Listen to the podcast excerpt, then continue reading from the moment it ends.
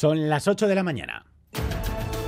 En Radio Euskadi, Boulevard. Con Xavier García Ramsten.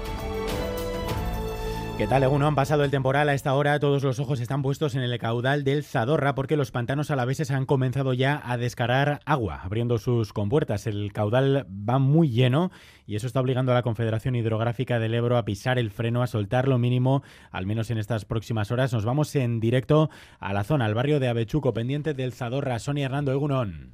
Hola Egunon, el Zadorra ha recuperado su cauce y aquí en Avechuco el parque que ayer era una piscina ahora ya ha amanecido eh, sin agua, aunque completamente embarrada, embarrada, eso sí. Pero la vigilancia sobre el río es permanente, por eso se ha decidido desembalsar lo mínimo imprescindible. De momento solo en el embalse de Ullíbarri, el más grande de Euskadi, dos con puertas abiertas, se está soltando 17 metros cúbicos por segundo. Es la medida que garantiza que el Zadorra no vuelva a salir de su cauce tras los desbordamientos de ayer. En el cielo tras la tempestad llega la calma, hoy se espera lluvia, pero muchísima menos. Eso sí, es tiempo de hacer balances tras las más de 200 incidencias registradas ayer en nuestro país.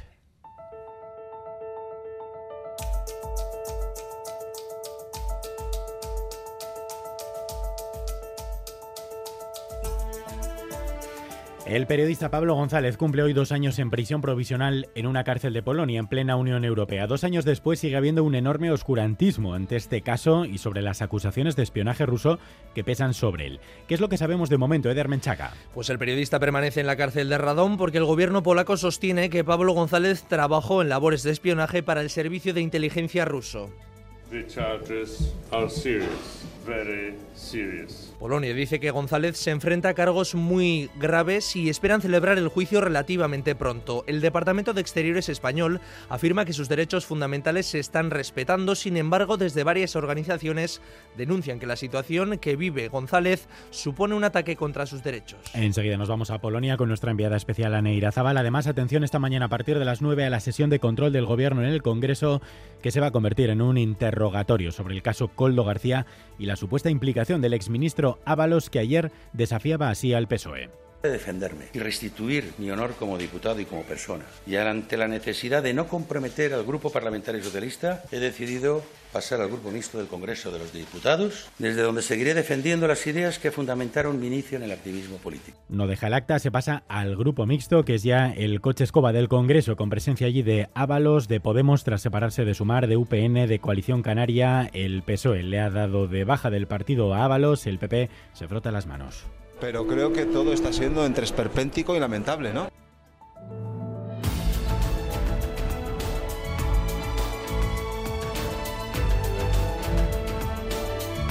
Además, pendientes hoy del Consejo de Gobierno de Navarra, que va a intentar dar la solución definitiva para conseguir la transferencia de tráfico Ander López Lerena. Sí, reunión del Ejecutivo de María Chivite en el que se abordará una reforma de la Ley de Mejoramiento del Régimen Foral para intentar acabar con las ambigüedades del texto y recuperar la competencia de tráfico paralizada, como saben, tras una sentencia del Tribunal Supremo. El nuevo texto tendrá que ser aprobado en el Parlamento y después por el Congreso y el Senado. El IVA de la luz volverá al 21% a partir del viernes. La rebaja del IVA estaba condicionada a que el precio del megavatio hora en el mercado mayorista siguiera por encima de los 45 euros, pero este mes va a cerrar con una media cercana a los 41. Este mes ha generado, se ha generado mucha energía renovable, barata, solar y eólica tras la última borrasca y eso se nota, así que el IVA dejará de estar reducido y pasará del 10 al 21% el mes que viene. Los usuarios con tarifa regulada casi no lo notarán, pero los que tengan tarifa libre fija podrían incrementar su factura anual un 15%. Hoy primer día de la gala Gastea Sariac. A las 7 de la tarde comenzará el evento en el Palacio Euskalduna de la mano de Ainhoa Vitoria e Ivonne Fernández, hoy con el concierto de Gorka Urbizu en su gira de presentación de su nuevo disco en solitario Asierabat,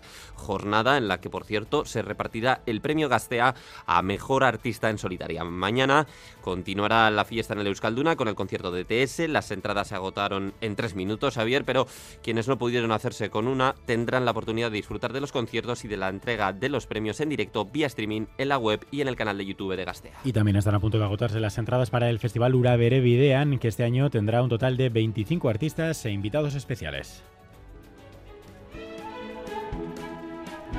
Y la principal novedad de esta cuarta edición de Eura Berevidean es que por primera vez contará con dos jornadas, el viernes 25 y el sábado 26 de octubre. Este año también en el BEC, 25 artistas y tres invitados de fuera de Euskadi, Celtas Cortos, Reincidentes y Jorge Drexler. Toda la información sobre la venta de entradas y el cartel completo del evento en uraberevidean.eus.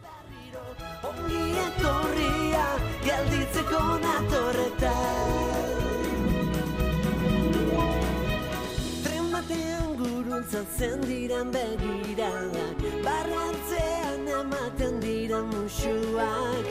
Lo aurreko uneak amesten Amesten eguna joaten dira.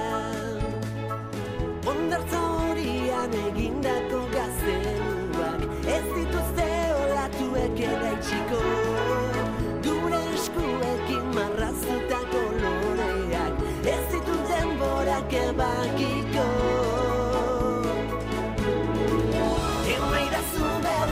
antes de ir con los deportes, con esa derrota anoche de la Real, eh, tenemos que dar cuenta también de los incidentes que se produjeron antes del partido y que terminaron con dos erchañas heridos. Laida Basurto. Los erchañas participaban en el dispositivo de seguridad para acompañar al autobús de la Real al estadio del Real de Arena cuando un grupo de aficionados rompía ese cordón policial en el paseo de Rondo y, según el Departamento de Seguridad, arrojaron botellas, cohetes, latas de cerveza y otros objetos contra los agentes.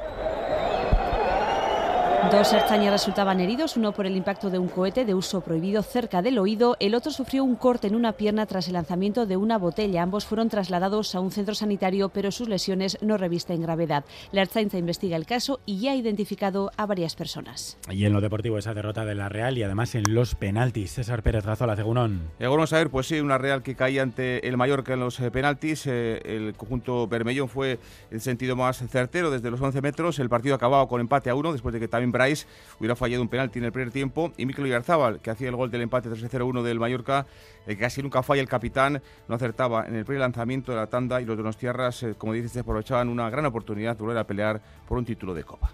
Bueno, y fíjate que ahora la esperanza está en mañana, lo que pasa en San Mamés, evidentemente en el Athletic, pues hemos estado en los aledaños de San Mamés esta mañana y fíjate que había un montón de gente eh, que ha pasado allí la noche para intentar conseguir una entrada no lo van a tener fácil, entiendo. Lo van a tener complicado, pero bueno, eh, la ocasión merece la pena, ¿no? Igual Claro. que ayer en. en- A ver, quizá esas que puedan devolver los socios o bueno, hay pues gente que está pagando una buena, una buena una cantidad. buena ¿no? pasta. sí. De momento esto es lo que nos decían quienes han pasado allí la noche.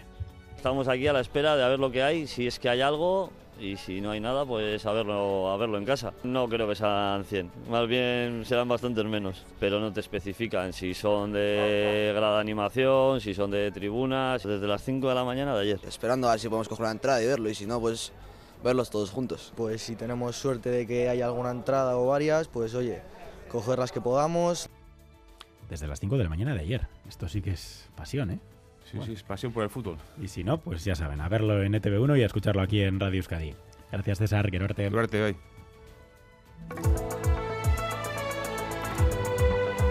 Boulevard. El tiempo.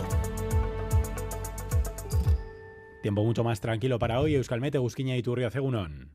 Egunon ha remitido el temporal. La situación hoy será mucho más tranquila, pero todavía seguiremos hablando de lluvia y abundante nubosidad. Lloverá principalmente en la vertiente cantábrica y las precipitaciones serán dispersas y esporádicas, por lo que las cantidades serán menos significativas. Soplará el viento de componente norte con algunas rachas fuertes por la mañana, pero luego de cara a la tarde el viento irá perdiendo intensidad. Y en cuanto a la temperatura, subirán un poco las temperaturas diurnas. Las máximas se situarán entre los 12 y los 14 grados en el litoral y rondarán los 10 grados en el interior. Por tanto, hoy situación mucho más tranquila, pero seguiremos con abundante nubosidad y algunas lluvias, principalmente en la vertiente cantábrica. Temperaturas. Hasta ahora tenemos 9 grados en Bilbao y San Sebastián, 8 en Bayona, 6 en Gasteiz y 6 también en Iruña. Egunon, gaur elgean lau gradu eta euria. Agur. Egunontik tik kabornikanotik termometroan lau gradu eta zirimiria dago. Disfrutatu eguna! Egunon, Bermion, amaike grado, ondo izan.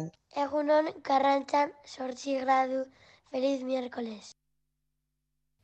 Boulevard. Baritec, expertos en eliminar todo tipo de varices en Bilbao, Donostia y Gasteiz, patrocina la información del tráfico. Es que recasco a nuestra mm, audiencia. Y vamos con el tráfico. ¿Algún problema hasta ahora, Begoña? Sí, precaución a estas horas en la Nacional 1 a la altura de Legorreta, sentido Donostia, porque un camión ha sufrido una avería y ocupa un carril, por lo que se están generando ya retenciones en este punto. Precaución también en la Nacional 637 en incorporación a Rontegui, sentido Erleche, porque se ha producido una colisión entre dos vehículos. Además, aún vemos los efectos del temporal por diversos desprendimientos. En Guipúzcoa, en la Guipúzcoa 631, en Urrechu, sentido Azcoitia, hay un carril cortado y en la Guipúzcoa 2639, en el Gueta, la vía permanece cortada, sentido Eibar, y se está dando paso alternativo a los vehículos. Además, en Navarra, en la A1, en Olazagutía, la vía continúa cortada, sentido Irún. Por lo demás, vemos la densidad de tráfico habitual a estas horas en los accesos a las capitales vascas, sobre todo en el entorno de Bilbao. ¿Llevas tiempo con varices y necesitas una solución definitiva? ¿Te gustaría informarte sobre los nuevos métodos sin cirugía? En Baritec hemos preparado los siguientes eventos para resolver tus dudas. 6 de marzo en Arrasate, en Garaya Parque Tecnológico A, y 7 de marzo en Durango, en Silken Gran Hotel. Ambos a las 7 de la tarde. Entrada libre. Te esperamos. Más info en baritec.es. Ayúdanos a mejorar nuestra información con tus comentarios, fotos y vídeos. Envíalos al WhatsApp de Radio Euskadi 688 840 840.